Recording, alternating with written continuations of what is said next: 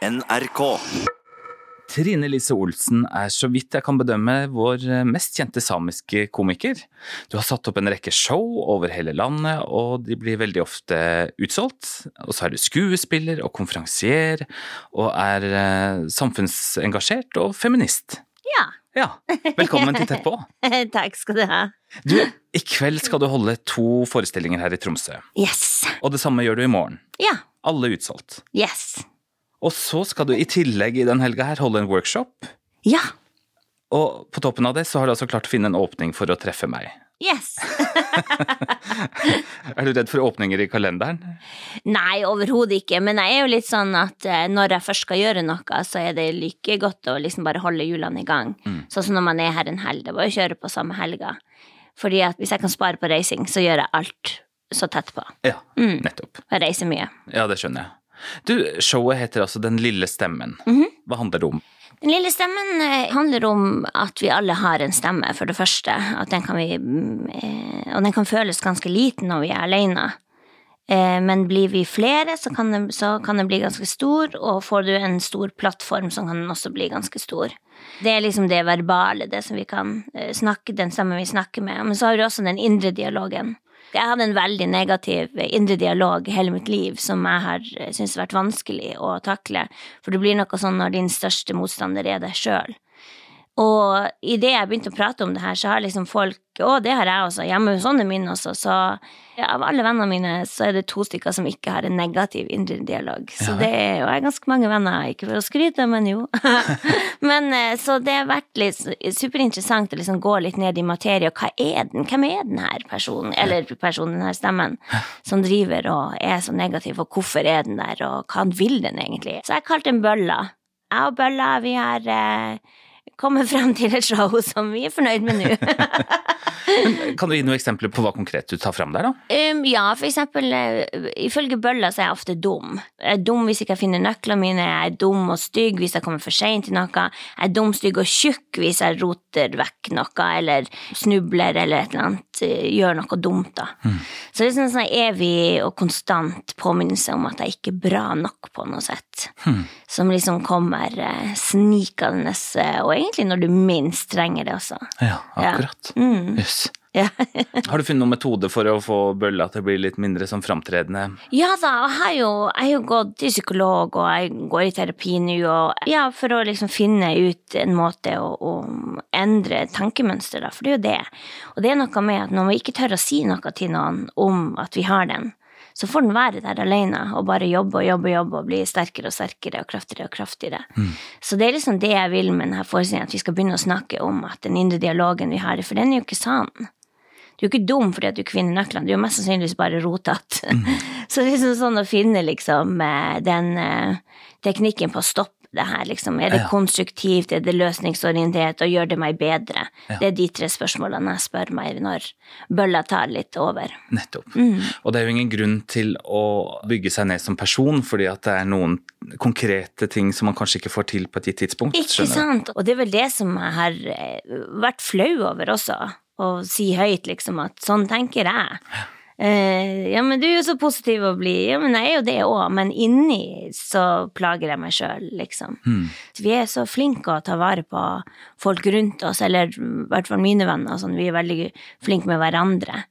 Men det er jo sånn der, å gi råd til andre er jo mye lettere enn å gi råd til seg sjøl. Ja. Men det har vært superinteressant, og det har hjulpet meg også på veien. Hvilken positiv effekt har det for deg å stå på en scene og framføre noe som har vært, og for så vidt også er problematisk da, for, Mm. for et publikum? Det, en, det ligger en utlevering i det, men er det også en sånn terapeutisk effekt i det? terapeutisk, men også en befrielse. For det er jo noe å si noe høyt, fordi at med en gang du har sagt det høyt, så er det liksom, så har ikke den så mye makt over deg mer. Det, jeg tror nok at bølla, liksom, den begynte nok når jeg var lita, å beskytte meg. Ah, ja. For en måte å få distanse fra det som skjedde når jeg var lita og ble flytta hit og dit, og ingen ville ha meg, og ingen elska meg, og så tror jeg nok at bølla var der. Ja, men de elsker deg ikke. Det går bra. Det er ikke sant Å, at de liksom eh, eh, Ja, jeg føler liksom at hvis jeg liksom skikkelig analyserer, så tror jeg liksom at den begynte nok på en måte å skulle beskytte meg. For å distansere meg fra å ikke bli så såra når eh, ting skjedde meg og folk såra meg. Så eh, var det liksom en måte å og si at eh, jo, jo, men du er jo De liker deg bare, bare fordi at du er stygg, ikke fordi at noe annet, liksom. Hmm. Ja. Så jeg tror nok det, den har vært der og starta sånn, og så har den liksom glemt at hei, nå trenger jeg deg ikke mer, det går fint med meg. Ja. Tror du du blir kvitt den, eller? Jeg tror jeg har nok lært å akseptere, eller er i prosessen av å akseptere at den er nok med meg eh, for alltid, men det er nok sånn som jeg fungerer på en måte, tror jeg. Jeg tror vi alle har forskjellige ting, men jeg vet når den begynner å gå ned i det. Ja, Det er mørke materie. ja nettopp. Altså, den indre dialogen, den skaper vi jo nå fra vi er små. Mm. Og så er det liksom, ja, hvordan vi håndterer den. Hvordan er det vi styrer unna den, eller den med, ja. Mm. Jeg håper jo og tror, både med jeg har rett og nå den lille stemmen, at jeg åpner opp for dialog, og jeg åpner opp for tanker at eh, eh, at man ikke er alene. Vi er flere som, som ikke har det så bra hele tida. Og så tenker jeg at det er sånn viktig å vite, spesielt i det samfunnet vi har nå, hvor alt ser så bra ut på Facebook og Instagram, og, og jeg får jo ofte høre at liksom Ja, men du har jo så bra liv. Det, vi er, altså, bare å bo i Norge, så har vi jo bra liv, hvis vi kan begynne der. Og så er det Så er vi forskjellige, og vi er ja, som du sier, dynamiske mennesker, og vi har alle vårt. Og det er ikke noe begrensa om du er samisk eller norsk, det er ikke noe begrensa om du er fosterbarn eller biologisk, eller om du har foreldre som er sammen eller ikke. Det er liksom, på veien så er det et eller annet som skapes som gjør oss, at vår hjerne er mottagelig for det negative og, og, og, og skyver vekk det positive. Nettopp. Du, I forrige episode så hadde jeg en gjest som heter Alice. Mm. Hun hadde egentlig aldri tenkt på å bli fostermor da. Og så plutselig så hadde hun tre flotte ungdommer i hus. ja, det er så fint. Og hun, hun anbefaler andre som har kapasitet til, til å åpne hjemmene sine. Mm, jeg blir skikkelig rørt. jeg. Eh, Hvilken positiv effekt hadde det å, å være i fosterhjem for deg? Jeg Det er derfor jeg blir rørt, fordi jeg vet hvor mye det betyr. Eh, Men eh, altså, mamma Ragnhild har redda livet mitt, og det er sånn jeg føler. Og det er ikke noe Jeg føler det virkelig sånn. Eh, Det å komme til en plass hvor du får røtter, og du får sjansen til å bli den du skal være. Det her var mitt femte hjem. Jeg var lei. Og det forrige hjemmet hadde jeg vært på min beste oppførsel i ett og et halvt år, fordi at de trua med barnehjem hele tida. Så jeg var så livredd for å havne der, for jeg hadde da fått i hodet mitt at jeg var verdens styggeste unge. Så hvis jeg havna på barnehjem, så ble det jo ingen som ville velge meg. Så når jeg da kom til mamma Ragnhild, så tenkte jeg at det er ikke noe vits å oppføre seg, fordi at hun kommer ikke til å ville ha meg uansett. Sånn at i to år så var jeg oppsanasi og vanskelig og, og trøblete på skolen og stor i kjeften og tøyde strikken så langt jeg kunne. Og når jeg, var elleve, så lå hun på senga og gråt, og da kom jeg inn og så bare 'send meg videre'. Og bare 'ja, men du, du skal være her'. Da var det, da lukka døra, så var det et eller annet sånt som forlot kroppen, eh, kroppen min sånn av en lettelse, av en eh, noe tungt som jeg har båret på kjempelenge, og jeg satt der og gråt, men liksom jeg gråt fordi jeg var så glad. Fordi at jeg var sliten. Jeg var elleve år og var kjempesliten. Jeg var ikke være meg sjøl, av å være redd, ja, og ha det vondt, da. Og da liksom få den beskjeden, og liksom da jeg skjønte at nå mener Ragnhild det, nå nå er det ikke noe tull, nå, jeg ser i øynene hennes at hun, det her mener hun. Mm. Var det som om du skjønte at nå har jeg et hjem? Yes, nå kan jeg slappe av, nå kan jeg lene meg tilbake. Hvis du har et barn på, så kjenner du det når de ordentlig slapper av. Og det er den beste følelsen i hele verden. Og sånn føltes det. At liksom nå, nå kan jeg slappe av. Nå kan jeg bli meg. Nå kan det roe seg. Det er vel unødvendig å spørre om det sånn sett, men jeg går ut fra at du også vil oppfordre andre til å åpne hjemmene sine. Absolutt. Eh, Det er liksom bare Og det er jo sånn jeg snakker mye med mamma Ragnhild, og hun sier jo at liksom jeg var jo ikke så ille som jeg tenker at jeg var. Fordi, men det var fordi at jeg hadde dårlig samvittighet, og jeg hadde det vondt. Så når jeg var uh, umulig og gjorde alle de tingene, så var det jo ikke meg. Det var jo meg som var redd for å bli forlatt, meg som var uh, redd fordi at jeg var for stygg, og redd for at de skulle sende meg videre. Så utrygge unge, mm. Og utrygge unger og redde folk er jo gjør jo ting som de egentlig ikke ville gjort, eller eh, oppfører seg og sånn de ikke burde fordi at man er redd. Mm. Mm. hvor var det her? Det her var i Indre Billefjord. Nettopp. Mm. Det, det, er litt, det er litt artig, fordi jeg tror du er den femte, kanskje, eller sjette personen som jeg intervjua fra Indre, eller Ytre Billefjord. Ja, da har du flere igjen. Overrepresentert. Men eh, hva syns du om stedet, da? Eh, Jeg elsker jo Indre Billefjord for det det representerer, altså det røttene og, og jeg syns jo det er nydelig natur og alt sånt der, men det er klart, jeg hadde jo tøft på skolen der, det var litt sånn før jeg roa meg ned og, og syntes vel det var, og så var det jo veldig små forhold, som jeg tror var bra for meg da, men jeg skulle jo bli oppdaga og bli stjerne, det var jo veldig vanskelig for meg å bo i Indre Billefjord liksom hvor man skulle bli oppdaga da. Jeg tvang folk til å se på meg på Samfunnshuset.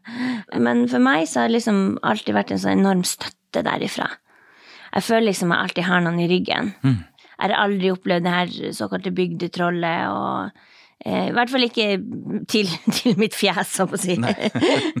det kan godt hende noen, men det har ikke jeg fått vite. Jeg har liksom bare følt liksom at de heier, og, og det syns jeg bare Nord-Norge og, og Sápmi og hele generelt, det har vært så ekstremt viktig for meg å alltid starte i nord. Eh, og passe på at eh, nord føler seg sett og ivaretatt, fordi at den tryggheten jeg har med å gå ut i resten av Norge med å føle at jeg har eh, Nord-Norge bak ryggen min, det er en styrke som jeg tar med meg. Mm. Gjør meg litt sterkere, litt mer modigere og litt bare whatever hva dere syns, men i Nord-Norge så elsker de meg. Ja, nettopp. Tror jeg det. men det er gjensidig i så fall.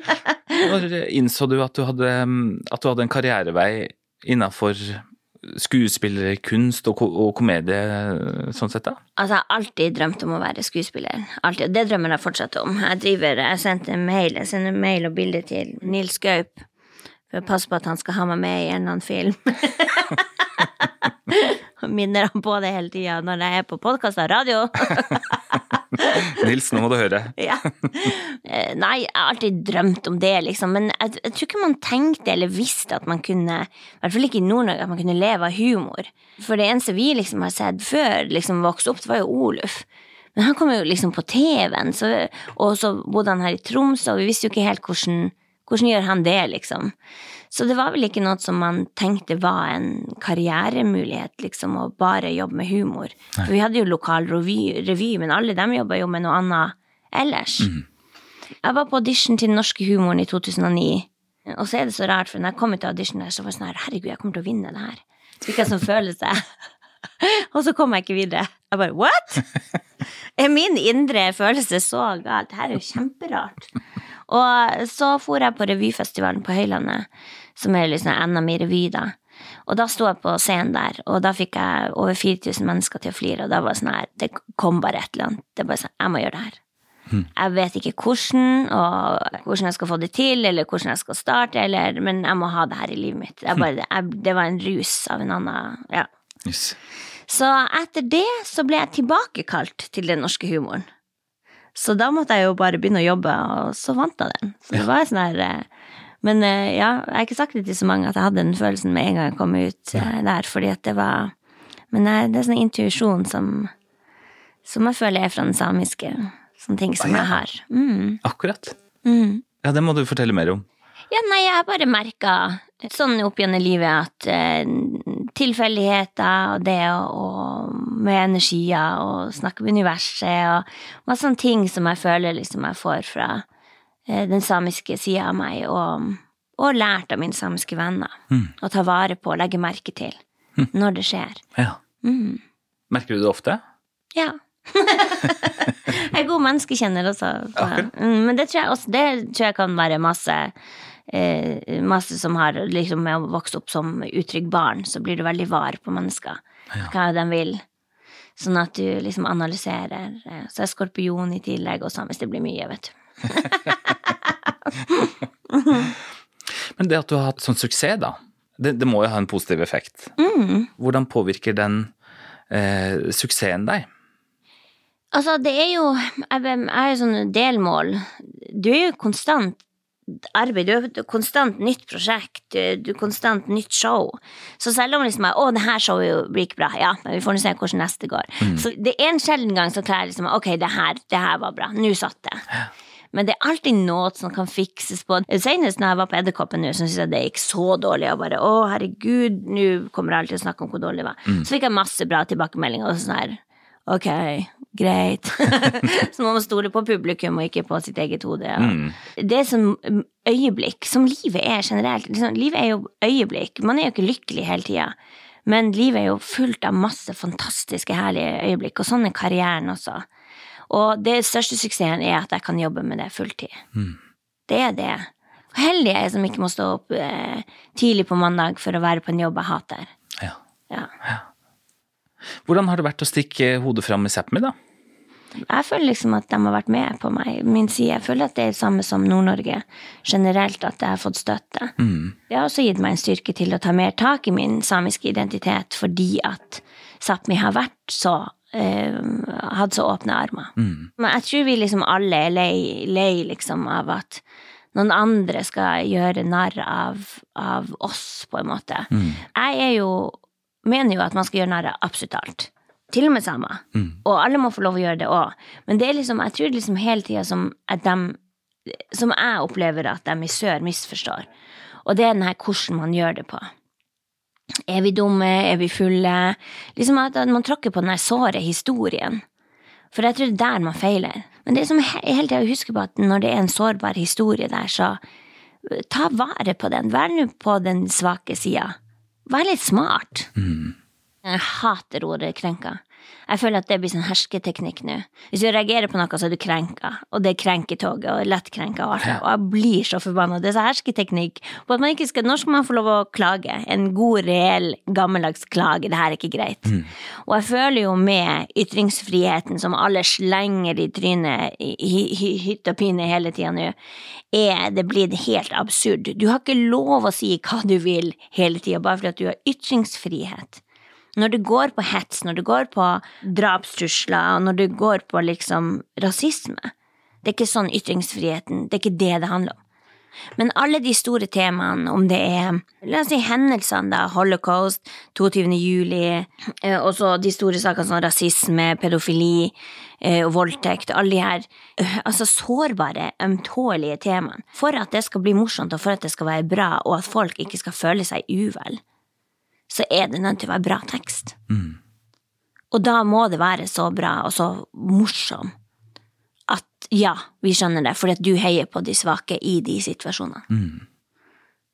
Finnes det en samisk humor? Ja, den gjør nok det, eh, og jeg skjønner jo det at jeg ikke vet helt hva den er. Og det er fordi at jeg ikke er oppvokst i samisk familie og i Sápmi. Liksom, jeg er jo vokst opp i Indre Billefjord i en familie som eh, ser seg som norsk. Jeg flirer av den og jeg syns den er gøy når jeg hører den og forstår hvor den kommer ifra, men jeg er ikke oppvokst med den. Eh, Det er litt forskjellig sånn Kautokeino og Karasjok som har eh, forskjellige forskjellige eller, liksom, typer hva de ler av, men det er veldig sånn fantasifull. Tenk hvis hun ramla, ja, og så hadde posen foret enda mer, og så hadde den havna i ansiktet. Altså, man finner på ting som ikke skjer, og det er sikkert fordi man bor der man bor. Men eh, veldig ja, sånn beskrivende og fantasifull. Ja. Mm, det vil jeg si er, er, er, det som jeg har forska på enda, Ja. enn så lenge, da. Mm. Jeg er jo ganske normal som mann, sånn sett. Jeg tror jeg er veldig morsom. Typisk Altså, mann å si normal. Jeg kommer egentlig fra Karasjok, da. ja. Og jeg merker det at hvis, hvis jeg drar dit og skal prøve å være morsom, så bommer jeg liksom alltid, da. Oh, ja, ja. Ja, jeg må endre måten å, å prøve å være morsom på, da. Okay, ja. og da fungerer det kanskje litt bedre, da. Ja, ok, ja. ja. Nå skal jo du holde en workshop. Hva går den ut på? Du, det er en workshop som jeg har eh, la, Eller som jeg er med på gjennom Riddo. Eh, og da er det Skal vi rett og slett, eh, etter mange år med mange, mange mange år hvor andre folk har gjort narr av samer og hatt dem med som eh, i, Ikke narr av, men av og med og på revyscener og på TV og sånn, så skal vi nå prøve å få tak i samiske folk som har lyst til å begynne å drive med humor. Da skal jeg ha workshop med dem og lære dem litt om faget, da, humor. Det er jo basically som all humor å finne ut hva er det du hva, det, hva som er morsomt med deg, hva kan du fortelle, og bare bringe frem de her gode historiene, og, og så er det å endre det til standup-tekster. Akkurat. Og, eller revyer, monologer og sånne ting, da. Sketsjer og sånn. Kan det her kanskje være starten på etableringa av et sånn samisk standup-miljø? Mm, jeg håper det. Det er jo fordi at jeg vil at det skal være kortere vei for andre i nord enn det var for meg. Ja. Jeg håper at jeg kan inspirere dem, og at de eh, elsker det. For det er jo noe med det også. Du merker så fort. Jeg husker første gang jeg gjorde standup, det var helt sånn her ha-ha. Ja, igjen. Det var sånn her, ok, det her er så gøy. Ja. Helt forferdelig, men kjempegøy. Ja. Så premiera blir altså på Riddo Riddo i Kåfjord i sommer, Ja. i 2020. Mm. Er det noen kamper som du ser man burde ta i Sápmi nå? Er det noe som du gjerne skulle sett endra?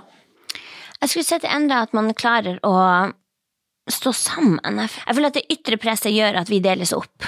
Istedenfor å stå sammen, så er vi alle så redd for å miste noe, sånn at vi glemmer at vi må stå sammen, for sammen så er vi sterkest. Og så kunne jeg ønske at vi var flinkere til å dele av det fantastiske vi har i Sápmi. Musikken, kulturen, kunsten. Alle at det hadde kommet mer ut. Jeg føler at vi deler litt, og så er jeg så redd for å miste kontrollen på det, at vi trekker det litt tilbake. Jeg kan bare si, jeg hører så mye på eh, Radio Sápmi, og eh, jeg får så mye samisk musikk som jeg aldri ville visst om og hørt om, og enda jeg liksom leter etter det og ser etter det. Så det er sånn der å være flinkere til å det her er det vi kan, det her er det vi vet om, det her er det vi eh, er gode på. Den fantastiske fine kulturen og, og alle kunsten liksom bare Jeg kan si bare sånn med ullsjal. Jeg har så mange som spør meg om de ullsjalene mine hele tida, og så vet jeg ikke hvor jeg skal sende dem. Men jeg vet jo at de lages. Hvor kan jeg sende? Mm. Og så er hun, har vi lov til å kjøpe sånn? Ja! Lov å kjøpe ullsjal. Smykker også. Har jeg lov til å kjøpe det? Ja! Du har lov å kjøpe samisk smykke. Og det er så fine ting, og det er så bra ting. Bare det å ha den historien rundt halsen, på fingeren, så kan du fortelle om det. Det er en historie. Du gir mennesker videre historien om den kunsten og folket. Så jeg føler liksom at hvis vi blir flinkere der og bare få det mer ut, og ikke være så redd for å miste det, fordi at den historien som vi har med det, er det ingen som kan ta ifra uansett. Vi må vise at vi er masse forskjellige. Vi er ikke en eh, homogen gruppe. Vi er jo masse forskjellige mennesker med masse forskjellige følelser, og det må vi vise.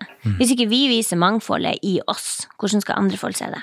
For da blir vi bare samisk og norsk, og så blir vi ikke mer. Du er stolt over å være same? Jeg er så stolt av å være samisk. Det har gitt meg så mye å oppdage at jeg hadde de røttene, fordi at jeg visste jo det egentlig, men så hadde jeg jo en bestefar som ikke ville anerkjenne det. I meg så brente det noe nysgjerrighet, og så begynte jeg å lete, og så fant jeg ut, og jeg ligner jo så mye på mammaen hans. Og han var den største samen av oss alle. Så da har han liksom skjøvet det vekk, og syntes det var veldig vanskelig, da. Ja. Som mange andre. Sånn som mange andre.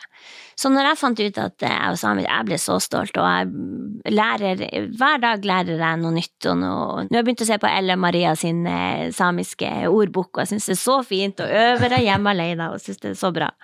Mm. Hvor gammel var du da du oppdaga det? Du, hva, øh, når jeg, jeg oppdaga det, men når jeg liksom ordentlig liksom tok det til meg, det følte jeg når jeg fikk eh, arva kofta av eh, fosterbestemor, altså mamma Ragnhild sin mor. Og da var det bare sånn jeg bare Ja, nå er jeg samisk. Det var bare, Da tok han til meg. Hvor gammel kan jeg ha vært der? Jeg var vel ja, i hvert fall oppe noen og tyve. Ja. Mhm. Husker du den følelsen du fikk da du tok den på deg første gang? Ja, og enda. Nå blir jeg rørt igjen. Men seriøst, jeg mener det. Det er Og uansett hvor tjukk jeg blir, så, så føler jeg meg så fin i kofte. Men i kofta så bare åh, det, er- Jeg tror det er noe med Igjen den historien. Altså at man Det er noe mer, det er noe større. Man er en del av noe, noe mer. Mm, som bare gir meg en sånn trygghet og liksom åh, kraft. Jeg kjenner på den krafta. Men Sterkt, da. Mm, virkelig. Og det gjør jeg enda. Jeg er så stolt. Ja. Trine Lise Olsen, tusen takk for at du var med i Tett på. Du, bare hyggelig. Jeg heter Svein Lian. Tett på fra NRK Sápmi er produsert av En til En Media.